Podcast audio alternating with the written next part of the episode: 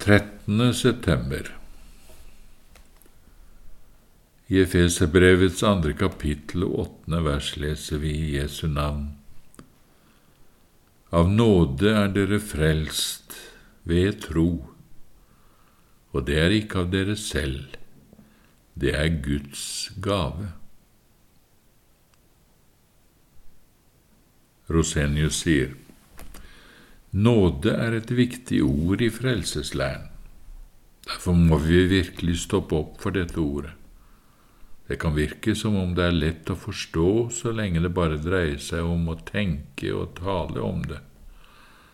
Men så snart det gjelder bruken av det, når vår frelse eller fordømmelse i evighet avhenger av dette, da er ikke noe ord vanskeligere å fatte og tro enn dette korte ordet nåde. Læren om nåden er en viktig del av læren om Gud,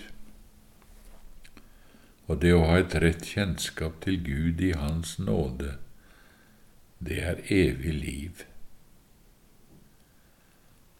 Først og fremst har vi klart for oss at hele verden ligger i et tykt mørke når det gjelder spørsmålet om Guds nåde.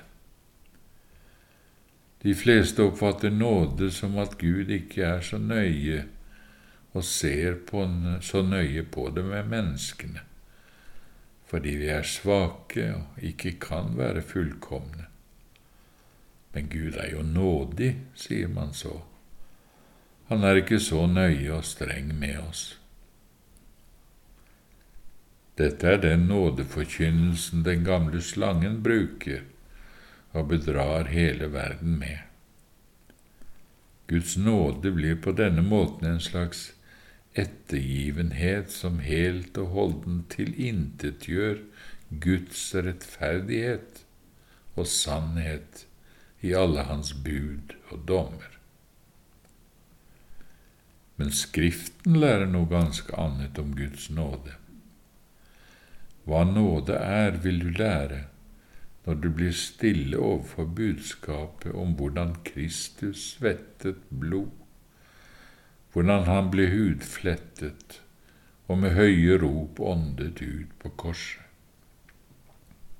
Det samme med budskapet om Jerusalems ødeleggelse og alt det forferdelige som da rammet Guds eiendomsfolk, samtidig som vi vet at ikke en spurv faller til jorden uten at Gud vil det.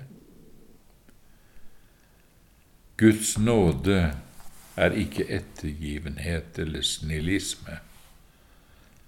Guds hjerte brenner nok for oss med en kjærlighet og barmhjertighet som vi ikke kan fatte, men denne hans kjærlige miskunnhet kan ikke møte noe menneske i strid med hans like store og fullkomne rettferdighet og rettferdighetskrav.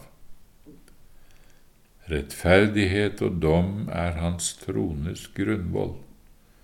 Nåde og sannhet er for hans åsyn. Ingen kan få Guds nåde uten i fullkommen overensstemmelse med hans rettferdighet.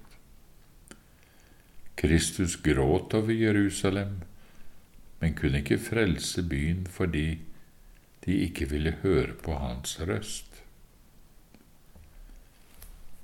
Taler vi om Guds forlatende nåde, hvor menneskene får del i Hans nåde og vennskap, må vi alltid ha klart for oss at denne nåden får vi aldri uten i Kristus. Men er vi i Kristus, og eier alt Han har gjort og er for oss, da har vi også en fullkommen nåde og Guds inderlige vennskap og kjærlighet. Utenfor Kristus får vi ikke noe som helst av nåde, men bare etter fortjeneste. Men for dem som er i Kristus Jesus, gjelder tvert imot ingen gjerning, ingen synd, ingen uverdighet. Det er dette som er nåde. Nåden er det totalt motsatt av alt som har med gjerning og fortjeneste å gjøre. Dette er en særdeles viktig grunnholdning hvis en vil forstå hva nåde er. Apostelen sier, er det av nåde, da er det ikke lenger av gjerninger. Ellers blir ikke nåde lenger noen nåde. Men er det av gjerninger, da er det ikke lenger da er det ikke lenger av nåde, ellers blir gjerningen ikke lenger noen gjerning. Og videre den som holder seg til gjerninger, får ikke lønn tilregnet av nåde, men som noe han har fortjent. Der får vi nåde og fortjeneste stilt opp mot hverandre som motsetninger. Og av nåde er dere frelst ved tro, og det er ikke av dere selv, det er Guds gaver. Det er ikke av gjerninger, for at ikke noen skal rose seg. Av alle slike ord ser vi at nåde og gjerninger, nåde og fortjeneste, er totalt motsatte ting. Det ene må nødvendigvis utelukke det andre. Skriften lærer at menneskene blir rettferdige og frelst bare av nåde. Da forutsetter Skriften selvsagt at de som lever under denne nåden, i seg selv ingen rett har til denne gaven, men tvert imot bare har fortjent Guds straff og vrede, og fortsatt, så lenge de lever på denne jord, ingenting annet fortjener, hvis Gud skulle handle med oss etter hva vi fortjener. Fordi den fullkomne rettferdighet krever en fullkommen hellighet, og det i oss alltid bare er synd. Alt dette er nå ganske lett å forstå når det bare gjelder selve læren. Men så møter Gud et menneske og vekker det opp av søvn. Da ser og kjenner mennesket det dype, bunnløse fordervet i sjelens innerste vesen, i tanker og begjær, og i motivet for alle sine handlinger. Ser at det gamle hjertet alltid vil den gale verden, ser at kjødet er fullt av syndige tendenser, og alt sammen blir bare mer og mer belyst av Den hellige ånd som nå bor i oss. Og da er det ikke lett å fatte at nåden er slik at all denne synd ikke kan hindre eller rokke den det aller minste.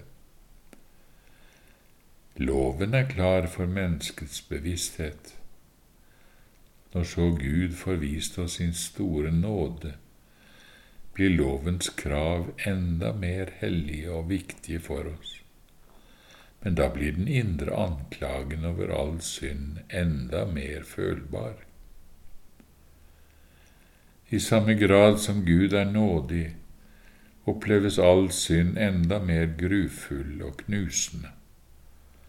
Når så fienden ikke lenger kan holde menneskene i søvn og selvsikkerhet, setter han alt inn på å føre dem inn i motløshet og tvil. Til det bruker han alle midler.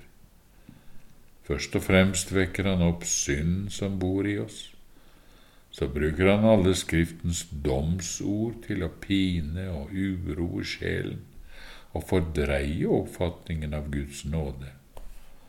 Og hele tiden holder han fram Guds hellighet og vrede over synden. Og nå å beholde ordet nåde i sin sanne og fulle betydning, ja, det er en visdom som overgår all menneskelig forstand. Men må Gud også bevare enhver kristen fra det bedraget å tro at han skal bli utlært i dette emnet. for i dette har alle sanne hellige ennå bare blitt spede lærlinger. Det ser vi klart i alle de sukk, i all angst og nød vi finner i Davids salmer, og i alle de helliges historie.